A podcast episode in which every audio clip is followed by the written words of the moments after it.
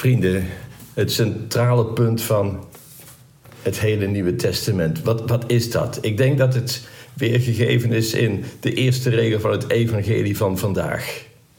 Wat lezen we daar? In die tijd werd Jezus bij het zien van de menigte door medelijden bewogen, omdat ze afgetopt neerlagen als schapen zonder herder.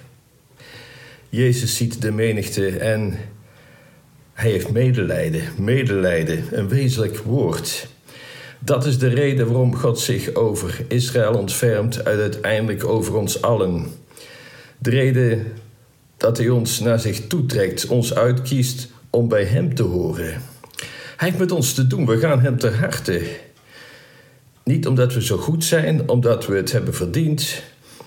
Zo gaat het ook met priesterroepingen. Jezus heeft niet jarenlang gezocht en uiteindelijk vond hij er een die hij geschikt achter om priester te worden.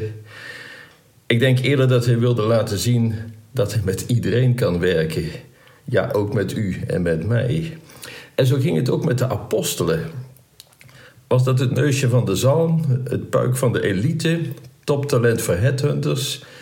Niet echt, we weten het. Onder de twaalf zat een verrader, een ander verlogende Jezus. Een derde zocht zijn eigen voordeel. Slechts eentje, en dat was de jongste van de twaalf, bleef bij hem onder het kruis. Al die anderen waren gevlucht. Jezus heeft geen kerk gesticht van volmaakte. Hij heeft zondaars geroepen omdat hij medelijden met ons heeft. En hij toont zijn liefde, zijn goedheid, zijn macht. Als hij van zondaars gaandeweg heiliger maakt. Gaandeweg. In Gods koninkrijk maakt iedereen een kans, gelukkig maar. En hij heeft ze allemaal nodig, hij kan ze allemaal gebruiken. Iedereen, groot of klein, ziek of gezond, arm of rijk, wordt geroepen om te dienen zonder eigen voorkeur of aanzien des persoons. Ja, wie meer krijgt, kan meer geven en zal ook over meer verantwoording af moeten leggen. Dat dan weer wel. Jezus, hij roept zijn apostelen. Hij roept ook ons. En hij zegt: De oogst is groot, maar arbeiders zijn er weinig. Dan zou je zeggen: Nou, Heer, zorg daar dan maar voor, voor die priesterarbeiders in het veld. Nee, we moeten ervoor bidden. Ik ben inmiddels 30 jaar priester. Ik ben blij met mijn roeping. Ik kan het niet anders zeggen. Ik ken de tendensen van deze tijd. En toch, ik doe het met vreugde. En het, devies van ons is, hoe de tijd ook is, gewoon doorgaan en met goed gemoed. En, en dat kan, dat kan. Ik voel het als een roeping, want eh, zelf zou ik het niet bedacht hebben. Maar ik voel ook de verantwoordelijkheid en de taak die eraan vastzit. Voor mij bestaat er echt geen betere kerk dan die waarin ik leef en werk. Waarom? Het, het klopt gewoon, laat ik het zo maar zeggen. Het klopt dat Jezus verkondigt. De praktijk van wat we ervan maken is misschien een ander verhaal. Maar wat die kerk ons leert, wat Jezus heeft gezegd, gedaan. Werkelijk Gods zoon. Het is zo geloofwaardig als ik alles in ogenschouw neem. En dat zal ik ook uitdragen. Niet om een ander de les te lezen, maar wat is er nou mooier dan dat een ander datzelfde geluk zou vinden? Er is een priestertekort, zo wordt gezegd. Ik, ik weet het niet, want een priester heeft in onze tijd niet meer uitvaarten, niet meer dopen, niet meer, nou ja, noem maar op, dan een priester twintig jaar geleden. Oké, het territorium is een stuk groter geworden. Je hoort wel eens dat de kerk, om toch meer priesters te krijgen, meer, nou laat ik maar zeggen, aan marketing moet doen. Het allemaal een beetje populairder maken wat reclamemensen misschien in dienst nemen. En toch is de beste reclame niet een populistisch woordje. Wat werkt beter en levert meer vrucht op dan welke reclamestunt dan ook? Dat is het leven van iedere christen persoonlijk. Woorden wekken, maar voorbeelden trekken. U kent het gezegde wellicht. Kijk naar het leven van Jezus. Kijk naar die twaalf apostelen. Nee, ze waren niet volmaakt. Maar uiteindelijk stonden ze hun mannetje en waren uiterst consequent in hun doen en laten.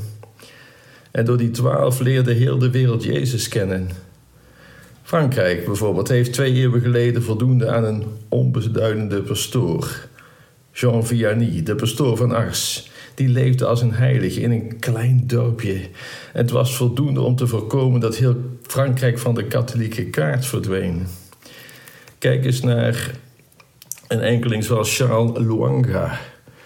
Deze heilige, dankzij hem is ongeveer een heel continent, Afrika, tot geloof gekomen. Kijk eens naar een enkeling als Sint Franciscus. Kijk eens naar een enkeling als Moeder Teresa. Gandhi, u kent hem, weet u wat hem weer hield om katholiek te worden? Hij was enorm geraakt door Jezus, maar hij zei: Ik kom zelden katholieken tegen. En het is waar, de kerk begon met twaalf apostelen en die paar waren allen christen. In 2023 noemen, noemen alleen al in Nederland een paar miljoen mensen christen. En bijna niemand is het. En daar ligt een taak voor ons weggelegd. Niet alleen voor u, ook voor mij. Niet alleen priesterschap is een roeping. Elke gedoopte heeft een roeping. Wees blij met uw geloof. Het is iets moois, maar doe er iets mee. Jezus zegt: we moeten het zoute aarde zijn. We moeten het licht van de wereld zijn. En u weet het, zout is er niet voor zichzelf. Zout, dat beeld gebruikt Jezus. Dat werd gebruikt om te conserveren, op smaak te brengen. Het is er niet voor zichzelf, maar voor iets anders. Zo is het ook met licht. Licht is er niet voor zichzelf, maar dankzij licht, kijk, we kunnen de zon niet zien. Maar kijk maar eens een minuut in de zon, dat lukt je niet. Trouwens, dan zie je hem nog niet, dan zie je alleen licht. Maar dankzij het licht zien we wel de rest. En ook voor onze taak zout de aarde zijn, het licht van de wereld. Want weet u, als ik eens kijk naar de vorige eeuw, de 20e eeuw, de meest gruwelijke van heel de wereldgeschiedenis, denk ik. Denk eens aan de slachtoffers van, van Hitler. De Eerste, de Tweede Wereldoorlog. De grootste massamoordenaar aller tijden, Stalin. En niet te vergeten Mao. En dan hebben we nog Pol Pot en al dit soort regimes. Waar vond dit plaats? In christelijk Europa. Hoeveel mensen keken niet de andere kant in of werkten zelfs mee? In Rusland. De orthodoxe kerk heeft grote heiligen opgeleverd. Hoe kon dit zo gebeuren? Als er echte heiligen waren, en die waren er gelukkig een paar, maar als er echte heiligen waren, dan had dit toch niet plaats kunnen vinden. En kijk eens naar onze tijd. Hoeveel miljoenen, ja werkelijk miljoenen kinderen worden niet in de moederschoot gedood. En laten wij ons horen. Laten wij ons horen, niet echt. Ook de politiek die laat het zo afweten. Dat noemt zich christelijke partijen en sluit compromissen. Dat kan helemaal niet op zoiets wezenlijks. Kijk eens naar de genderideologie. Kinderen laten zich verminken. En wat doen wij? We kijken de andere kant in. Wees het zout der aarde, wees het licht van de wereld. Het is nodig, want als wij dat niet doen, de wereld om ons heen wordt telkens een stukje slechter. En Jezus vraagt nogmaals: ga aan de gang, ga aan de slag. Wees missionair, verkondig het evangelie, dat is het wezenlijke van onze taken. En niet hou het maar voor jezelf, want ik meen ook, ik respecteer ook de mening van een ander. Dat is mooi in de politiek, maar dat is niet onze taak.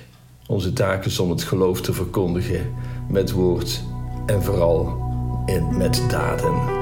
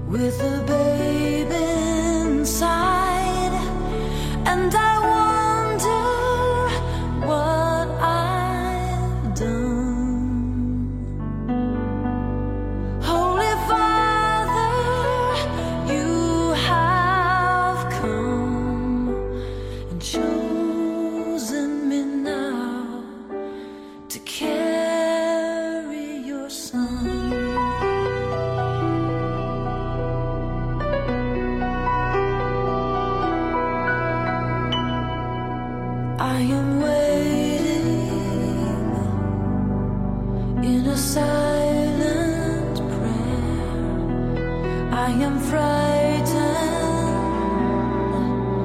by the love.